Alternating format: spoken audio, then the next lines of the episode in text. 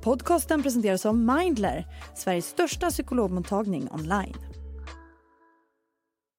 Det är tisdagen den 19 december. Jag heter Mattias Svensson och du lyssnar på Ledarredaktionen, en podd från Svenska Dagbladet.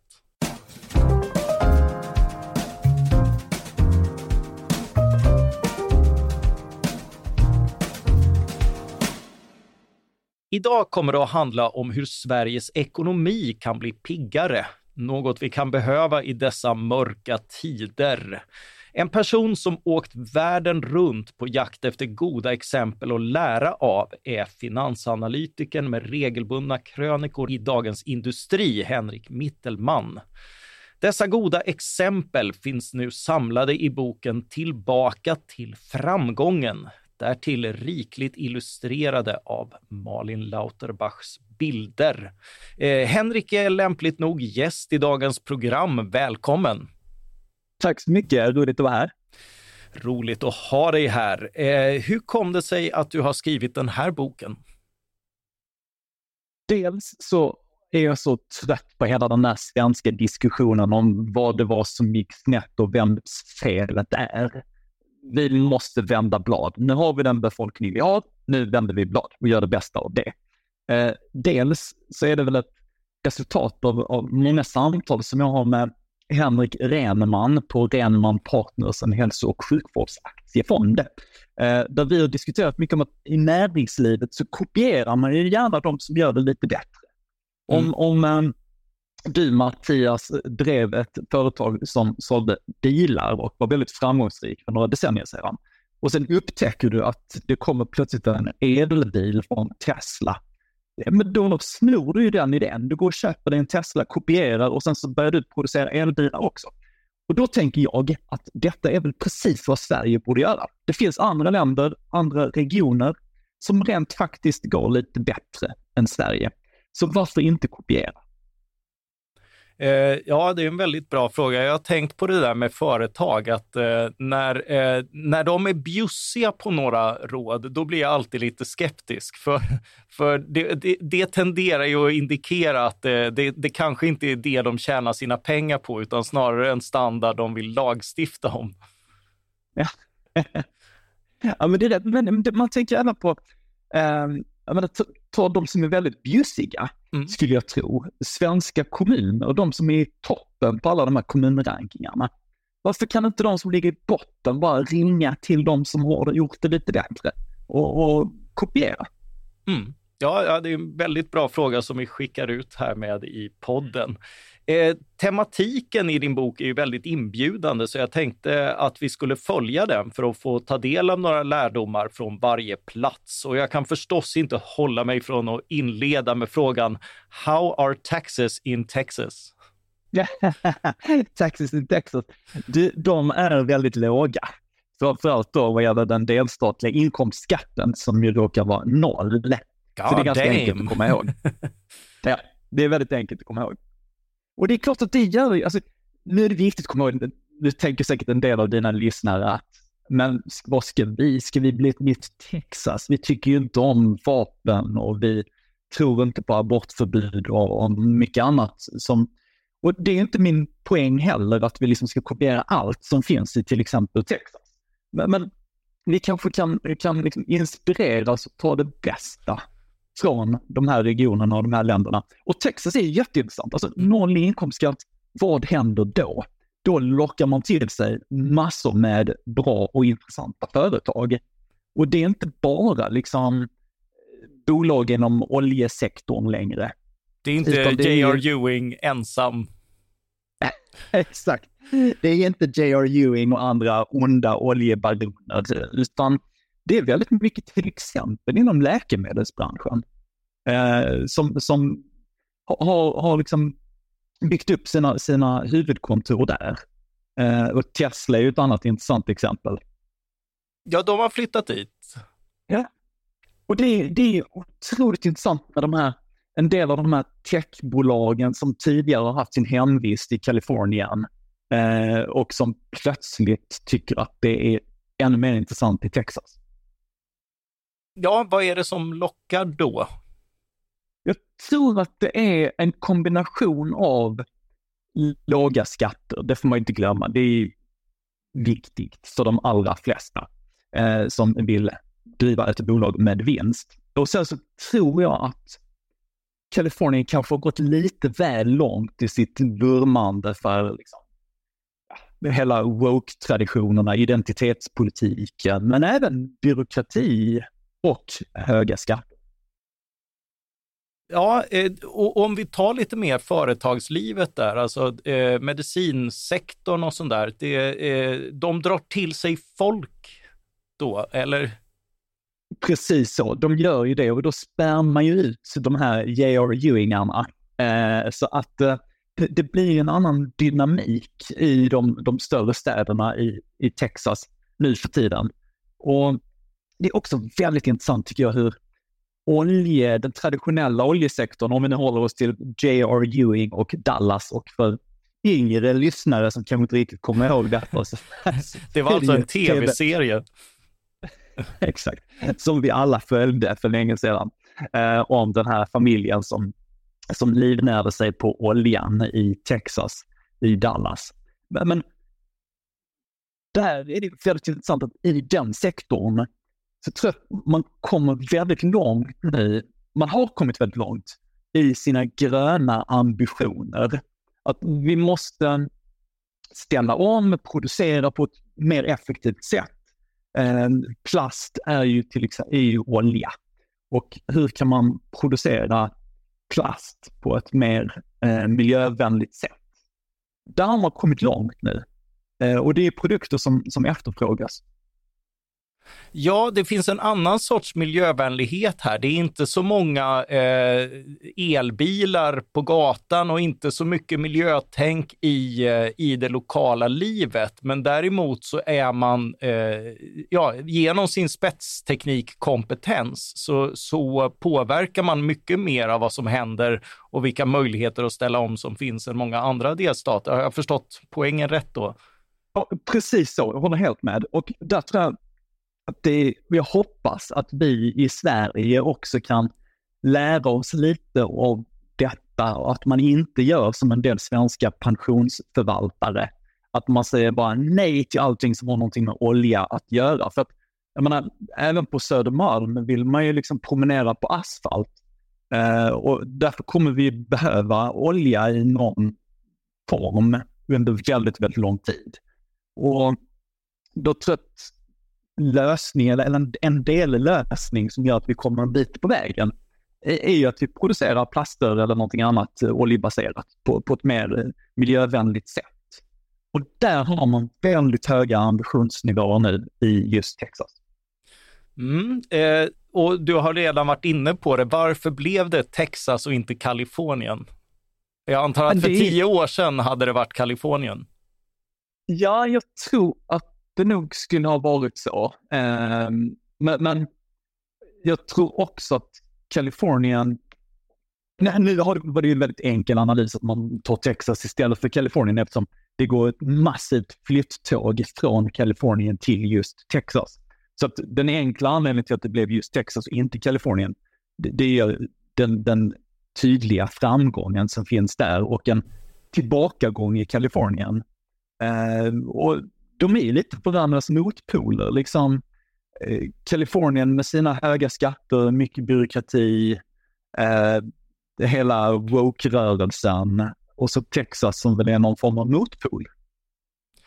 Ja, eh, där har vi ändå något att lära. Eh, och vi eh, ska flyga vidare. Eh, G som i gemenskap är inte bara en 80-talsfilm av Staffan Hildebrandt. Det är även en av de faktorer som du menar har gjort Singapore framgångsrikt. Eh, hur då?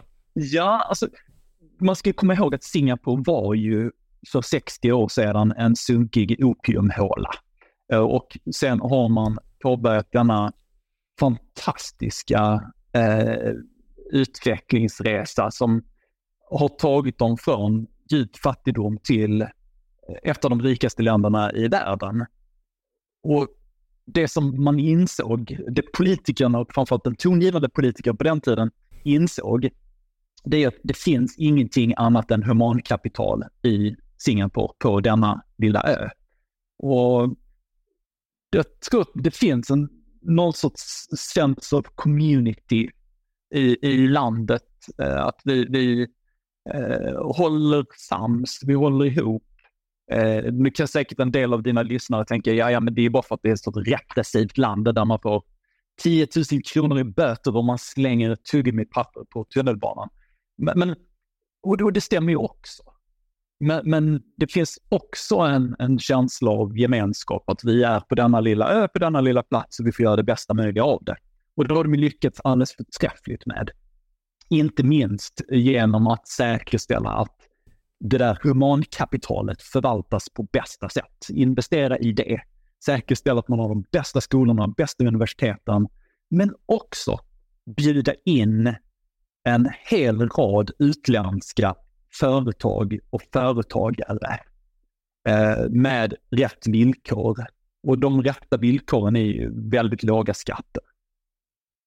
Eh, jag börjar ana ett mönster här. Eh, det, men men du adderar ju här liksom utbildningen som, som en nyckel och också att människor från övriga delar av världen ska flytta dit. Ja, och ett väldigt tydligt välkomnande. Alltså, välkommen hit, kom till oss. Eh, ett bra exempel nu är ju när, när um, Kina dessvärre håller på att förstöra Hongkong, eh, som ju har varit den, finans, det finansiella, den finansiella huvudstaden i, i Asien. Eh, men då förstår ju Singapore hur man ska spela det här spelet. Välkommen hit!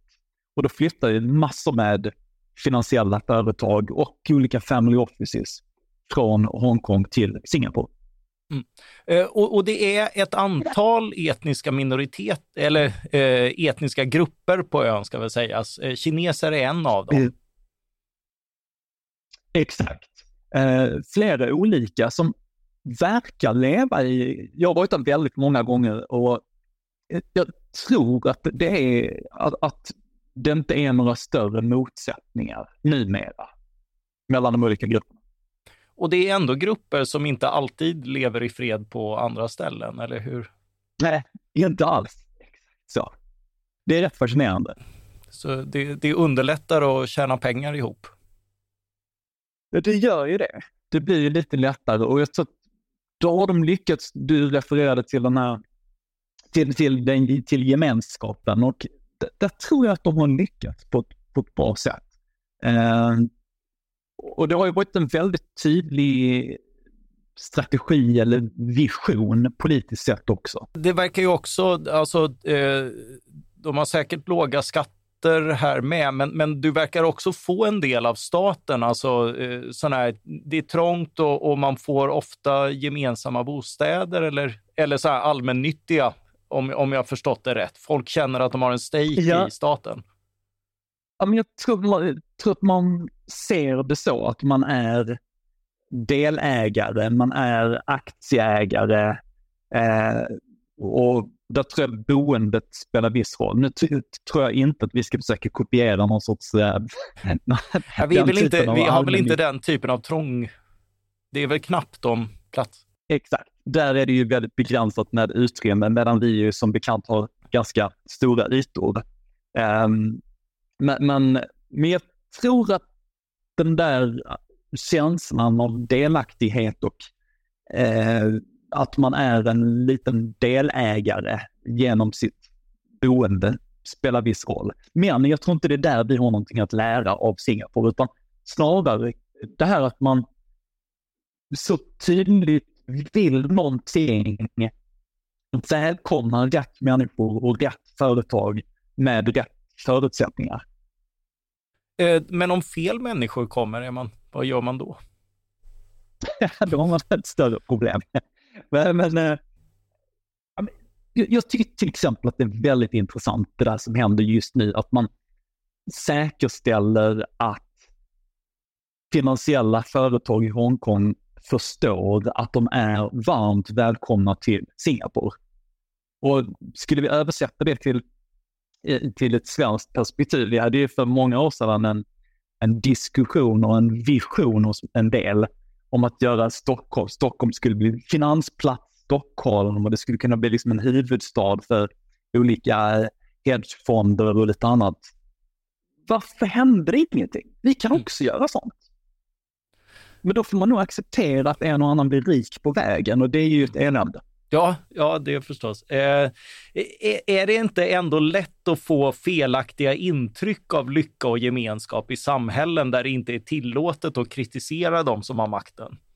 Det tror jag du har helt rätt i. Eh, och eh, formellt sett så är det ju parlamentarism, men det är ju en väldigt snäv åsiktskorridor och självcensur inom, inom medierna.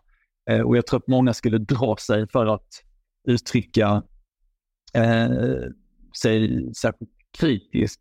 Och jag menar inte att vi ska kopiera den delen av Singapore. Min, min utgångspunkt i boken, genom alla dessa olika resor, alla dessa olika exempel, är ju att vi kan ta godbitarna. Och godbitarna i Singapore handlar ju mer om ett välkomnande av företag med låga skatter och att man säkerställer att befolkningens utbildningsnivå är på absolut högsta nivå. Mm. Ja, det låter ju mer sympatiskt.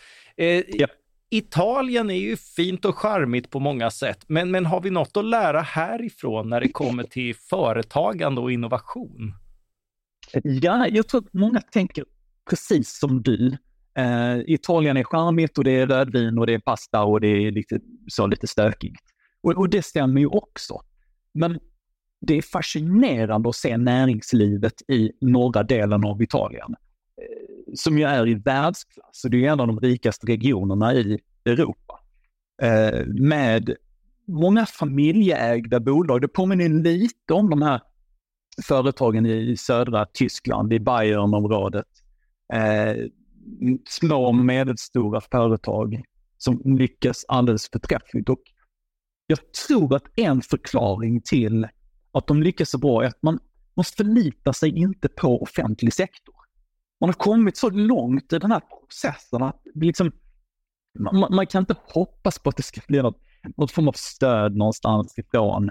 Och det är ju ganska intressant när man tänker på, eh, på, på även den italienska befolkningen. Det är ju Sveriges motsats. Alltså vi svenskar är ju väldigt högt skuldsatta eh, på privat nivå så har vi väldigt höga skulder i relation till våra inkomster. Medan italienarna tvärtom har väldigt begränsade skulder. Eh, samtidigt är den italienska staten oerhört eh, skuldsatt, medan den svenska ju har väldigt låga skulder. Så det, det är verkligen den här totala motsatsen. Och varför har då italienarna så låga privata skulder? Ja, men det är för att de är inte så, är för att de inte tror att de kommer få någon vidare pension från staten. Man kan inte förlita sig på den offentliga sektorn. Och det tror jag spelar ett viss roll för näringslivet också. Alltså de här kluster av fantastiska företag som, som har vuxit upp där. Um, och sen har de ju en annan del som är fascinerande just nu. Det är att man i vissa regioner välkomnar välbärgade människor. Eh, för att man antar att de kommer att sysselsätta väldigt många fler. Och det gör man till exempel genom att erbjuda dem en eh, klumpsummeskatt. Så att, och den behöver inte vara särskilt hög. Det kan låta hög för, för eh, oss som inte tjänar så mycket, men kanske... Några miljoner? Liksom, ja, men, ett par miljoner svenska kronor som, som du får acceptera att betala. Men då attraherar du ju dollarmiljardärer eller euromiljardärer som i sin tur sysselsätter flera hundra människor. Och vi, vi har i, genom i bokens arbete så har vi kommit i kontakt med en del sådana. Och det är inget tvekan om att de sysselsätter hur många människor som är. Eh, Tänk utifrån ett svenskt perspektiv när vi nu har ganska många lågutbildade människor i, i landet. Då behöver vi ju sysselsätta dem och försöka få igång en, en arbetsmarknad för de som inte har särskilt hög utbildning. Och då behöver vi välbärgade människor som gör det. Så nu vet jag att det är, det är ju dödfött projekt, men alltså, mm. tänk om vi skulle kunna, vi skulle kunna göra det i Sverige också. Välkommen hit, mm. skulle vi kunna säga. Eh, men jag får drömma vidare. Ja, ja, fast man får ju tjata på också. Eh, men det, ja. är, det är just det här att eh, i Italien Menar du att eh, här fungerar företagandet trots staten eller är det kanske rent av tack vare att man inte kan lita på staten? Jag tror snarare tack vare. Man, man får ta hand om sig själv och man får också liksom hjälpa varandra. Och, och det lyckas man och det är också fascinerande med de här kluster av företag inom olika branscher som bildas i olika regioner. Eh, vi gör ju ett nedslag i, i eh, regionen Marke eh, som ligger i östra, östra delen. Eh, där Iguzzini, ett världsledande belysningsföretag som ägs av svenska Fagerhult, har sitt huvudkontor. Runt i hela den regionen så finns det massor med olika sådana här företag som är, som, som är underleverantörer till eh, Iguzzini till exempel. Um, och det är ju inte ett resultat av att någon statlig eh, det är inte ett resultat av någon statlig eh, eller regional satsning att nu ska det byggas upp något kluster här. Utan det har ju naturligtvis eh, varit på grund av att det inte har varit sådana statliga eller offentliga pekpinnar. Eh, men det har inte funkat överallt. Eh, jag menar, staten är lika dålig över hela Italien, men det, det är inte företagsamhet överallt. Det krävs onekligen andra komponenter Nej. också, eller? Ja, ja, jag håller med. Jag håller med. Och det, men det är ju, det är fascinerande hur framgångsrikt näringslivet är i just norra delen av, av Italien. Som ju påminner mycket, mycket mer egentligen i den bemärkelsen om, om Bayern och kanske Schweiz också.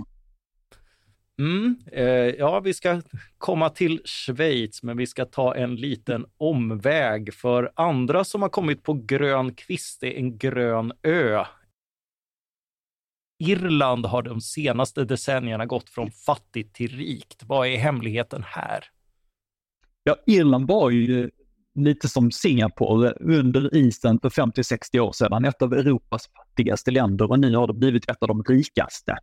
Och det vägval man gjorde var ju att man var tvungen att ändra någonting och det man ändrade på var bland annat att man ville säkerställa att många företag och företagare skulle komma till landet. Och det har man ju lyckats alldeles förträffligt med. Nu huserar man Google och Apple och Facebook som har förlagt sina europeiska huvudkontor på ön. Och det i sin tur har ju gett massor med ringar på vattnet. Eh, med eh, företag runt omkring som drar nytta av detta och som sagt, plötsligt har det blivit ett av de rikaste länderna i, i Europa. Är inte det mycket av en redovisningseffekt då? Att man, eh, att man har huvudkontoren där de redovisar sina intäkter där. Märker man eh, på Irland effekter av det här? Man märker definitivt de positiva effekterna. Eh, massor med smarta människor som tjänar en hel del pengar eh, och som i sin tur köper varor och tjänster av andra. Så att det, det blir ringar på vattnet det som vi inte längre får prata om i Sverige, de här dynamiska effekterna. Ehm, de ser man ganska tydligt just i Irland. Och det är klart, man, man kan ju säga liksom lite på skoj sådär att irländarna tycker ju kanske mest om att dricka Guinness och kolla på, på fotboll. Och inget fel i det, nej. Jag har inga moraliska problem med det, men då måste någon annan finansiera den där fritidssysselsättningen. Och det gör man ju då genom att invitera massor med bolag från andra länder och som, som helt enkelt kan finansiera kalaset. Eh, ja, eh, en fördel eh, som du beskriver där är att om man lockar kreativa invandrare så kan man förbli slö och jovialisk och ändå få det bättre.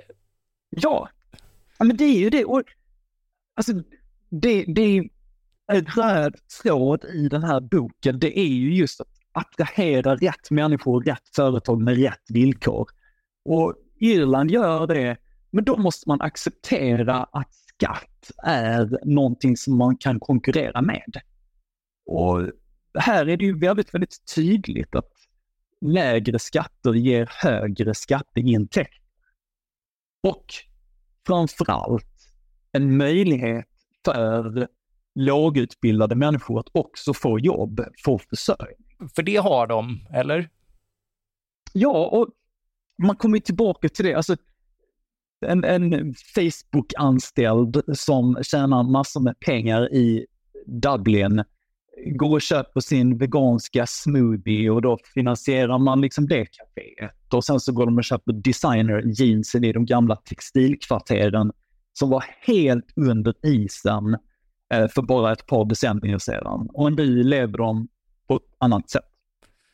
Mm, eh, och apropå det här eh, med eh, skattekonkurrens. I, I Schweiz är den högsta marginalskatten 25 procent. Eh, jag antar att det betyder att staten är fattig och låter infrastrukturen förfalla, eller? Exakt, du har läst boken på rätt sätt. um, alltså det är fascinerande. Alltså, Schweiz har 50 procent högre skatteintäkter än den svenska statskassan för in.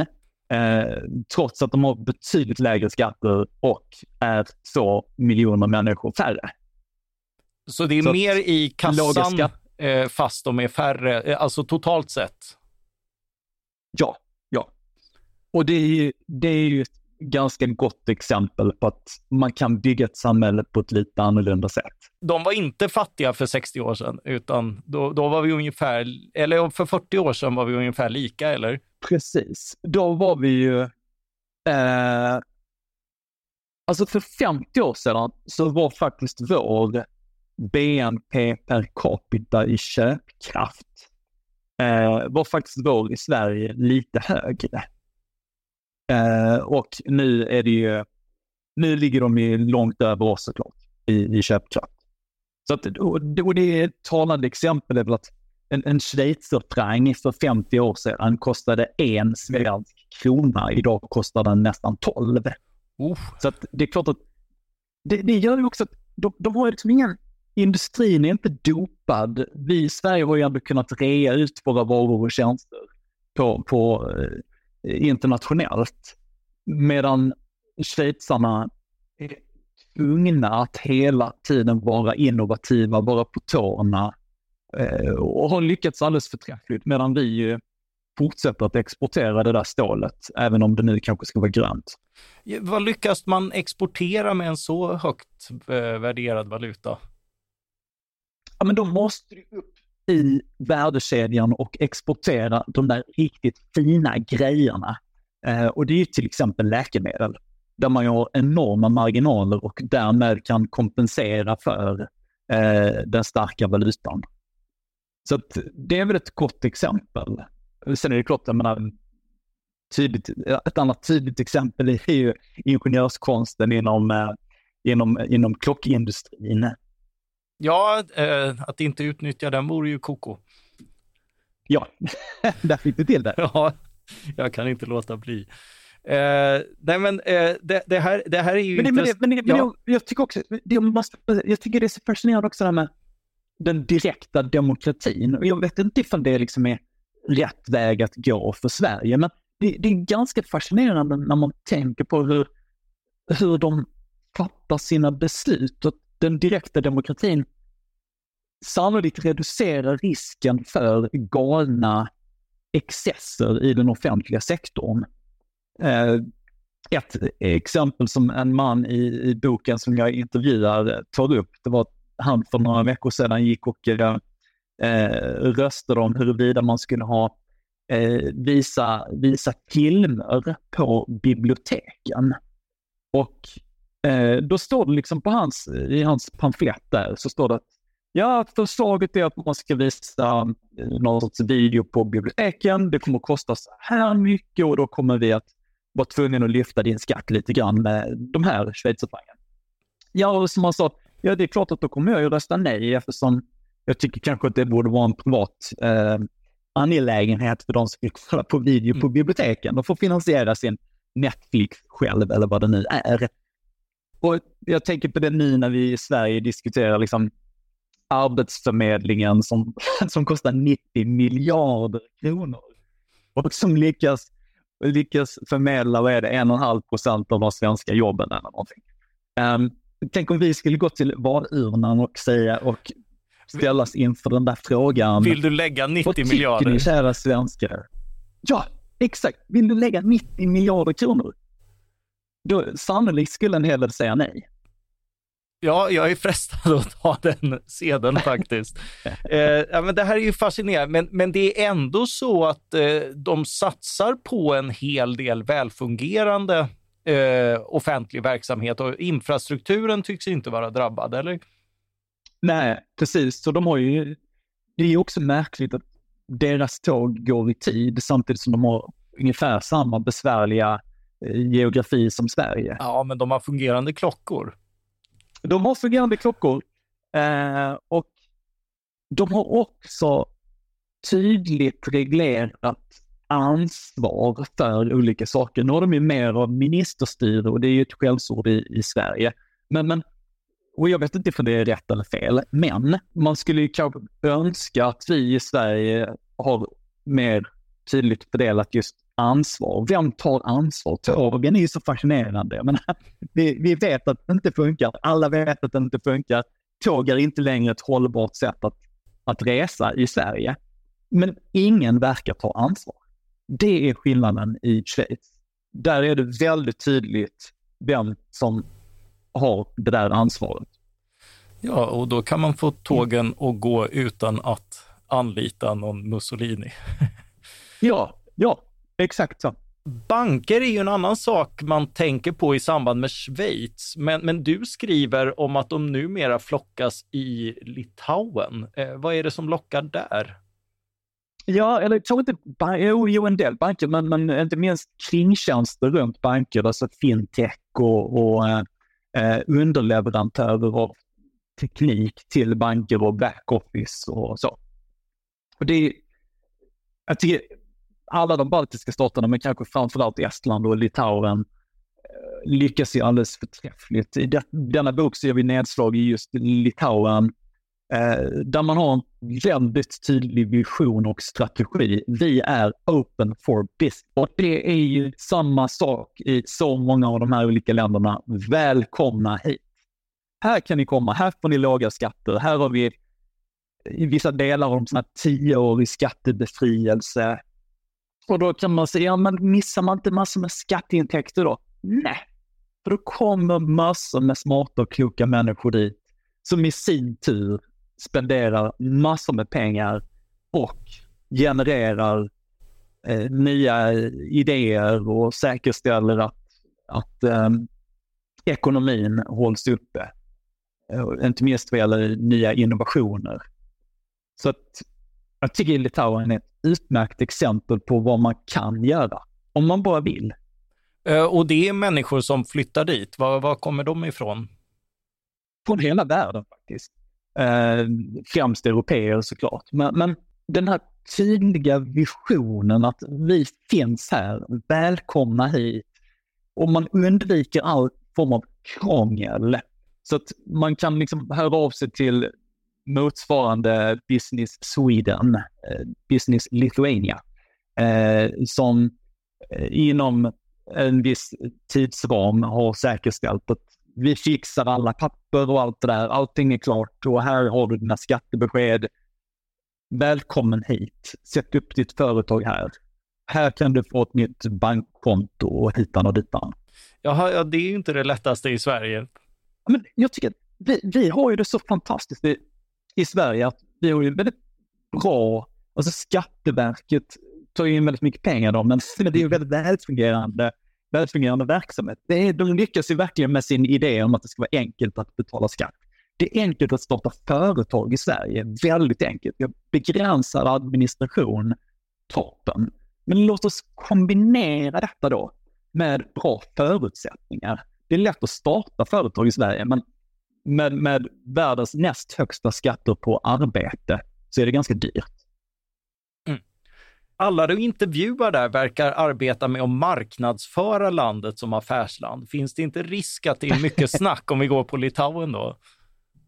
Jo, jo, absolut. Det är ju deras eh, expertområden, de som vi pratar med just i, i den delen av boken.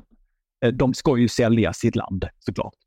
Eh, men, men det är ingen tvekan om att de har lyckats. Det finns ju faktiskt officiell statistik som jag tror att jag har med i boken någonstans mm. om eh, direktinvesteringar. Och där är det faktiskt så att de är uppe i världstoppen tillsammans med Singapore och Schweiz för övrigt. Så där, om man tittar på direktinvesteringar i relation till befolkningen så ligger de på absoluta toppen. Så de, de har ju lyckats. Eh, Nya Zeeland misstänker jag mest är med för att det var en trevlig resa, eller? Nej då, faktiskt inte. Det, var, det är ett väldigt trevligt land att vara i. Definitivt så. Men, men de toppar också väldigt många olika sådana här rankingar som görs vad gäller eh, både näringsklimat och, och lite annat. Det är som lär av ett land som eh, håller på med eh, lamm och vin. Men eh, det som jag tycker är fascinerande med Nya Zeeland, det är den här tilliten som finns i det landet. Och det visar ju olika mätningar också att det är ett av de länder där, där tilliten är som störst. Och vi vet ju från den ekonomiska forskningen att tillit är väldigt viktigt också för ekonomi. Det finns den och som den har funnits i Sverige och kanske i viss utsträckning fortfarande finns, eh, så är mycket vunnet. Och det är inte så himla lätt, jag förstår det, men jag tror faktiskt att vi, vi om det liksom skulle finnas någon vision om den svenska regeringen skulle liksom vilja förmedla något budskap om hit ska vi, om tio år ska vi vara här. Så, så skulle jag önska att, att det också fanns någonting om just detta, att vi, vi tillsammans, vi vill dit och vi, vi ska försöka att nå fram. Ja, alltså det är ju i slutändan eh, väldigt mycket icke-ekonomiska faktorer som bygger en ekonomi. Det är väl lite grann det du far efter? Ja, att det kan kompletteras i varje fall. Alltså, man, behöver, man behöver de här vi, vi, behöver säkerställa att de här hygienfaktorerna är på plats. Det ska vara enkelt att starta företag, eh, byråkratin ska begränsas eh, och sen så behöver vi vara med i skatteracet. För andra länder är det. Det är liksom intressant att vi under min livstid har ständigt tappat på alla dessa rankingar det blir ju lite som den här grodan som kokas långsamt. Och då måste vi göra någonting och jag har full förståelse för att regeringen nu har fullt upp med gängkriminalitet och annat elände. Då har jag full förståelse för att det är liksom prio nummer ett. Men jag tror att vi parallellt måste göra någonting med ekonomin. Och här har vi ju svaret. Vi behöver inte några enorma utredningar. Det finns länder och regioner som gör det här bättre än Sverige. Och då tänker jag, varför inte bara kopiera dem? Just do it. Och då handlar det om lägre skatter. Ja, då kan man tycka, ja men det där är ju så typiskt svar från något högerspöke. Ja, det kanske är ett typiskt svar, men inte desto mindre så verkar det ju vara som att vi privatpersoner och företag är bättre på att förvalta våra egna pengar än vad den offentliga sektorn är på att ta hand om våra pengar. Ja, eh, går det alltså att sammanfatta ditt budskap som locka begåvade människor från andra länder? Ja, rätt människor, rätt företag med rätt förutsättningar. Svårare än så är det ju inte. Men, men då måste vi nog våga göra det. Nu har vi haft en borgerlig regering som jag själv har röstat på som har säkerställt att jag som arbetstagare får betala en högre skatt samtidigt som de som lever på bidrag får högre bidrag. Och man har lyft pensionerna. Ja, det, det kan man ju göra om man tycker att det känns som en rättvis sak eller vad det nu kan vara. Men det är inte så vi skapar välstånd i Sverige.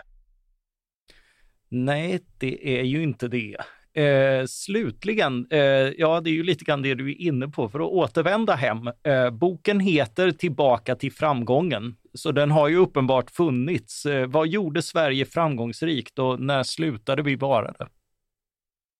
Ja, Alltså det, det, det är fascinerande med en del, framförallt inom den vänstra delen i, Sverige som lever i någon sorts tro att vi för länge sedan hade väldigt höga skatter och nu lever vi i något sorts nyliberalt, eh, någon nyliberal mardröm. Men, men sanningen är att vi hade ju väldigt låga skatter, betydligt lägre skatter på 50 och 60-talet. Och, in, och inte eh, bara lägre än, än vi har idag, utan lägre ja. än andra länder. Ja, precis. Både och. Lägre än idag och, och mer konkurrenskraftigt relativt omvärlden på, på den tiden.